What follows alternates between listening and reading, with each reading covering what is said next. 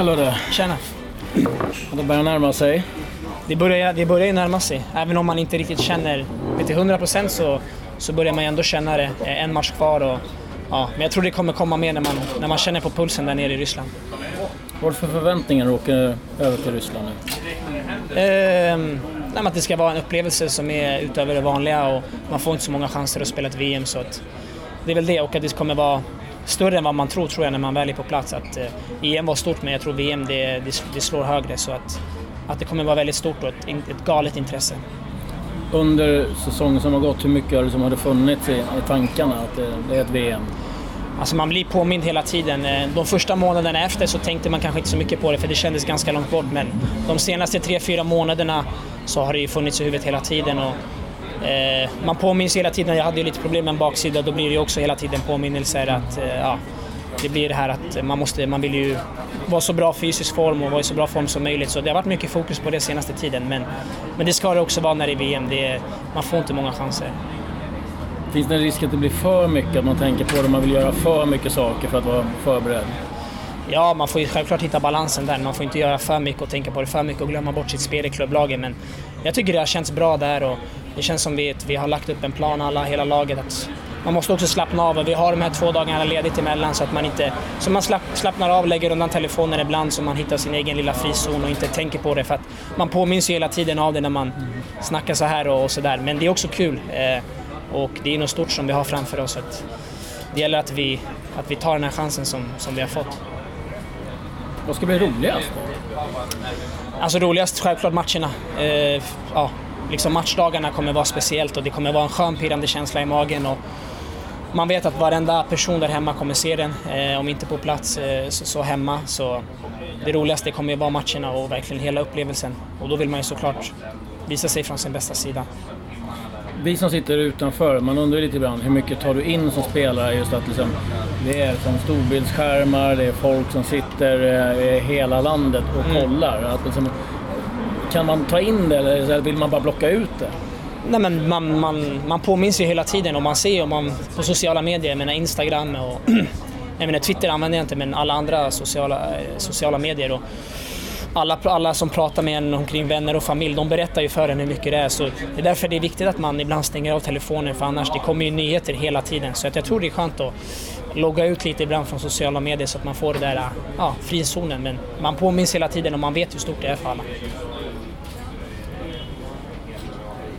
Nej, har du? Nej men kör du så kommer jag sen. Eh, nej, men just det, jag pratade lite med Sebastian om sociala medier. Det finns ju både plus och minus på Mm. det här. Liksom. Men Hur, hur ser du på, har du fått mycket av den negativa sidan? Som du har stött på det? Inte så mycket faktiskt, men det, det kommer ju komma.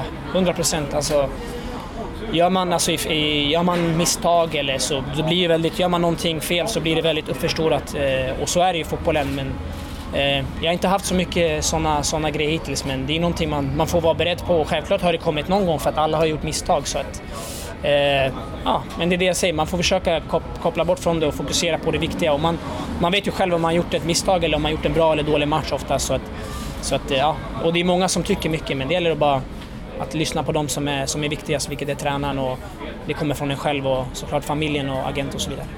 Jag vet att du är väldigt noggrann i allt det du gör, förberedelser. Hur, har du redan nu börjat småkika lite på dina motståndare och de du kommer möta?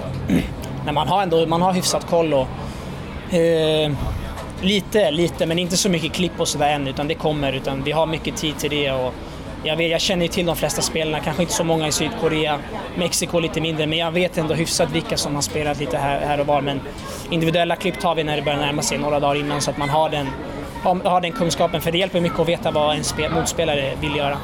Vad är det första du tar reda på när du kollar på sådana saker? Liksom, vad är det du framförallt letar efter? Eh, vilken, fot, eh, vilken fot de spelar med, är de snabba eller är det mer Ja, kanske mer om den står brett eller kommer in i plan. Det är små detaljer hur de spelar. Och vilka typer av finter brukar de göra? Använder de bara ena foten eller kan de använda båda? Är de bra att komma på bortre stolpen på inlägg? Alltså, alla små detaljer. Så jag kollar igenom det mesta som jag får här från landslaget. Eh, så, så att jag har koll på det. det. Det hjälper mycket att man är väl förberedd. Kollar du precis innan match eller gör du det dagen innan och sen har med det? Eller? Jag brukar kolla dagen innan så att jag har det i huvudet. Och sen om det är någonting som, som man känner man behöver kolla så kan man även kolla matchdag. Så det, så det är perfekt. Tidigare än så behöver man egentligen inte kolla om det inte är något ja, exceptionellt som man behöver se. Liksom. Din roll i landslaget kontra den du har liksom i Bremen och som säger du hade FCK, liksom, hur har den förändrats? Har den förändrats? Um, så det känns som FCK Bremen, där är det ju... Men det är hårdare konkurrens i landslaget än vad det är där. I, i de klubbarna så, spe, så, så spelar jag alltid till 100-100%. Eh, jag har fått mycket speltid här nu, men det är ändå en hård konkurrens. Eh, så det är väl det, men annars rollen och spelsättet. Det är klart Bremens spelsätt och landslagets spelsätt skiljer sig. Bremen är... Det är ett liksom väldigt högt pressspel och gegenpressing, man-man och spelare löper till höger och vänster, går iväg. Här är det lite mer att kanske lite mer, eh, ska man säga, kontrollerat. Eh, så det, det, är en skillnad, men jag är ju van att spela. I FCK spelar vi väldigt likt som vi gjorde här, så det funkar också. Vilka detaljer tycker du att du blivit mycket bättre på om du går in på väldigt små saker? Duellspelet, tuffheten i mitt spel. Eh, eh, Man-man-spelare är starkare individuellt helt enkelt, för man utelämnas ganska ofta. Eh, och sen att all, saker och ting går snabbare helt enkelt för man spelar i högre tempo. Det är framförallt de bitarna eh, som jag tycker att jag utvecklar i Tyskland. Om ser nu när du åker till VM kontra EM så är det ju lite annan roll. Då var du ju mer reserv. Mm.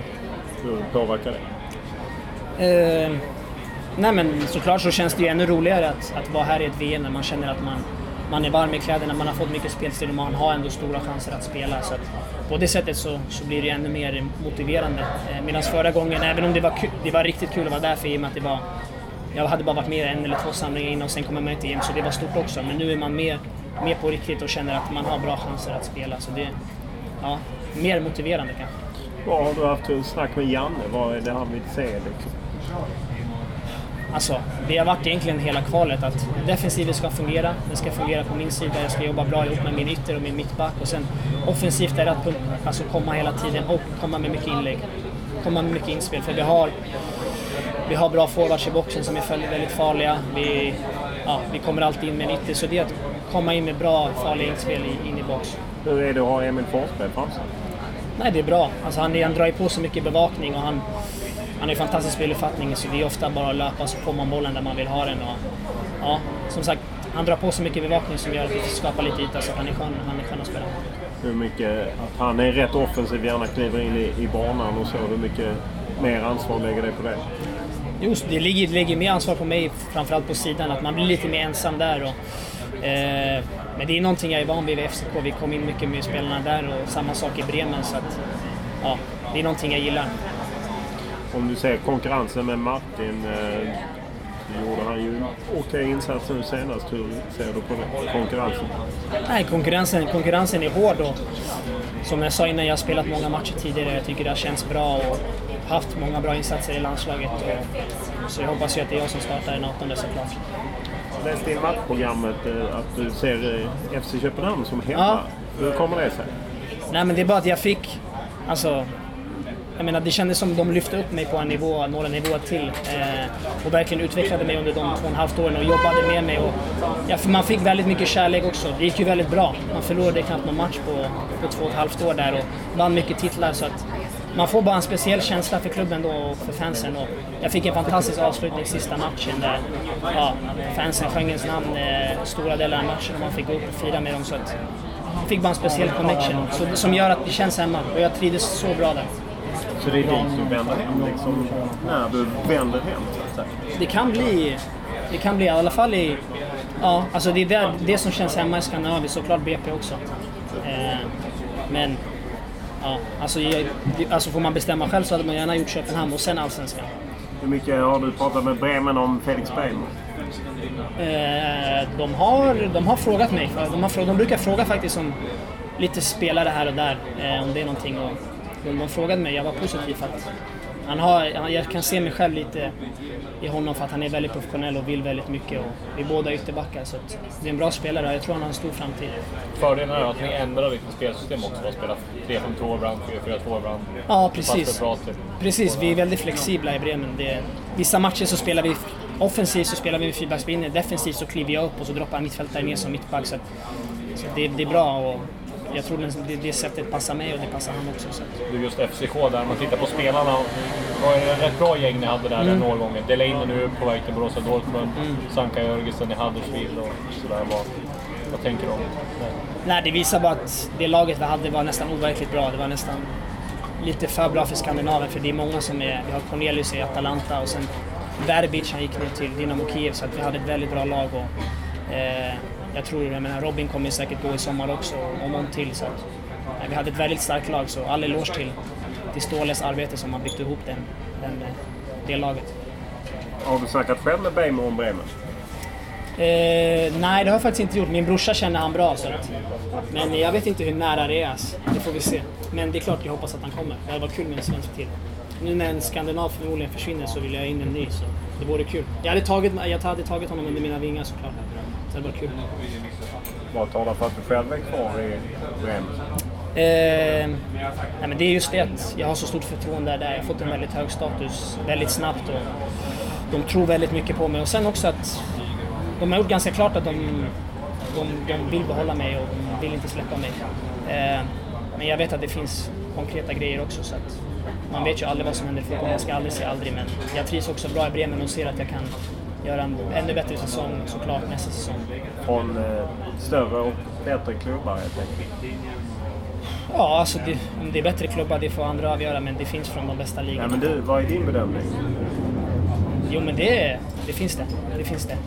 Ehm, och, eh, Varför ja. ska du stanna då? Just, just för att jag känner att... Dels för att klubben vill inte sälja mig, så det är alltid upp till klubben. Men också för att jag känner att jag kan ta kliv i klubben för att jag har ett så stort förtroende. Och jag tror att hela klubben kommer göra en bättre säsong eh, nästa säsong än vi gjorde den här säsongen och jag tror vi kommer vara topp 10-lag. Eh, så med lite intressanta värden så kan jag ta kliv där så får vi se.